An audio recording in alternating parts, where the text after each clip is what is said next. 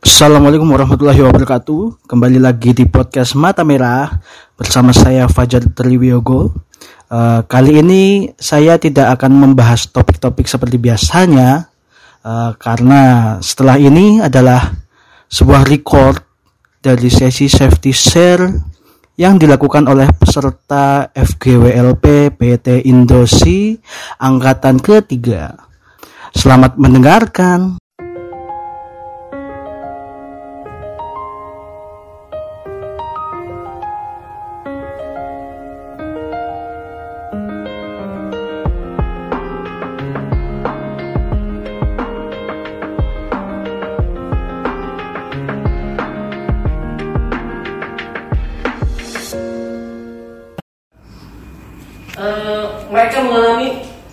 Di bagian tentu saja pergelangan.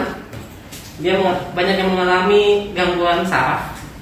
Jadi kan saraf itu fungsinya menghantarkan impuls kepada otak untuk supaya kita bisa merasakan meraba. Nah itu tuh rusak jadi kalau kita bilang biasanya kesemutan jadi kita nggak bisa merasakan. Dan pergelangan juga mulai mulai pegal-pegal dan kalau dilihat karena mereka udah bekerja lama ukuran tangan mereka beda tangan kanan yang biasa gunakan untuk motong itu lebih gede daripada tangan kirinya. Dan mereka untuk mengangkat gelas saja karena masih sering jatuh karena sering kesemutan dan udah gak kuat.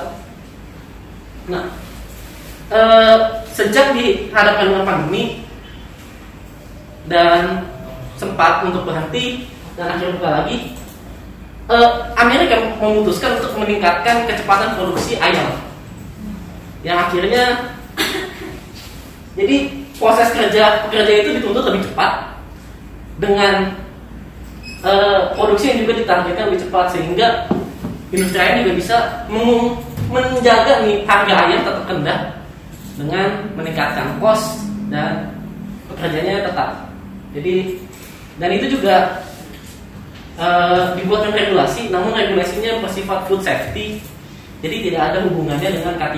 OSA sendiri tidak mengatur mengenai ya kecepatan pemotongan ayam dan ekonominya meskipun secara jelas disebutkan hanya mengendalikan resiko dan bahaya pada pekerja. Eh, selain bahaya ekonomi juga dalam pemeriksaan ayam banyak pekerja yang terpapar bahan kimia amonia dan klorin. Nah, mereka sudah pada mulai udah pusing berkelanjutan, kepala sakit, migrain dan lain-lain.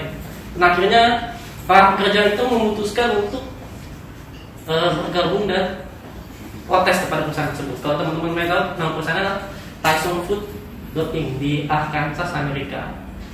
Dia protes untuk karena mereka nggak ada pembagian shift, jadi mereka full karena satu hari 8 jam potong ayam beribu-ribu kali diulang-ulang nggak ada uang eh, apa namanya santunan kalau sakit nggak ada gajinya juga tidak seberapa jika dibandingkan dengan kerajaan-kerajaan lain dengan risiko yang lebih tinggi. Jadi dari hal tersebut kita bisa belajar bahwa hal-hal yang se mungkin penglihatan kita motong ayam biasa.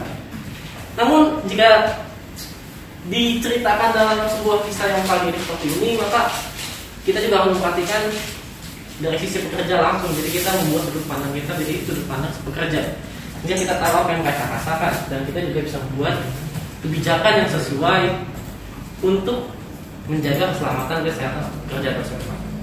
Mungkin sekian yang bisa saya sampaikan dan saya ceritakan. Kurang lebihnya mohon maaf. Terima kasih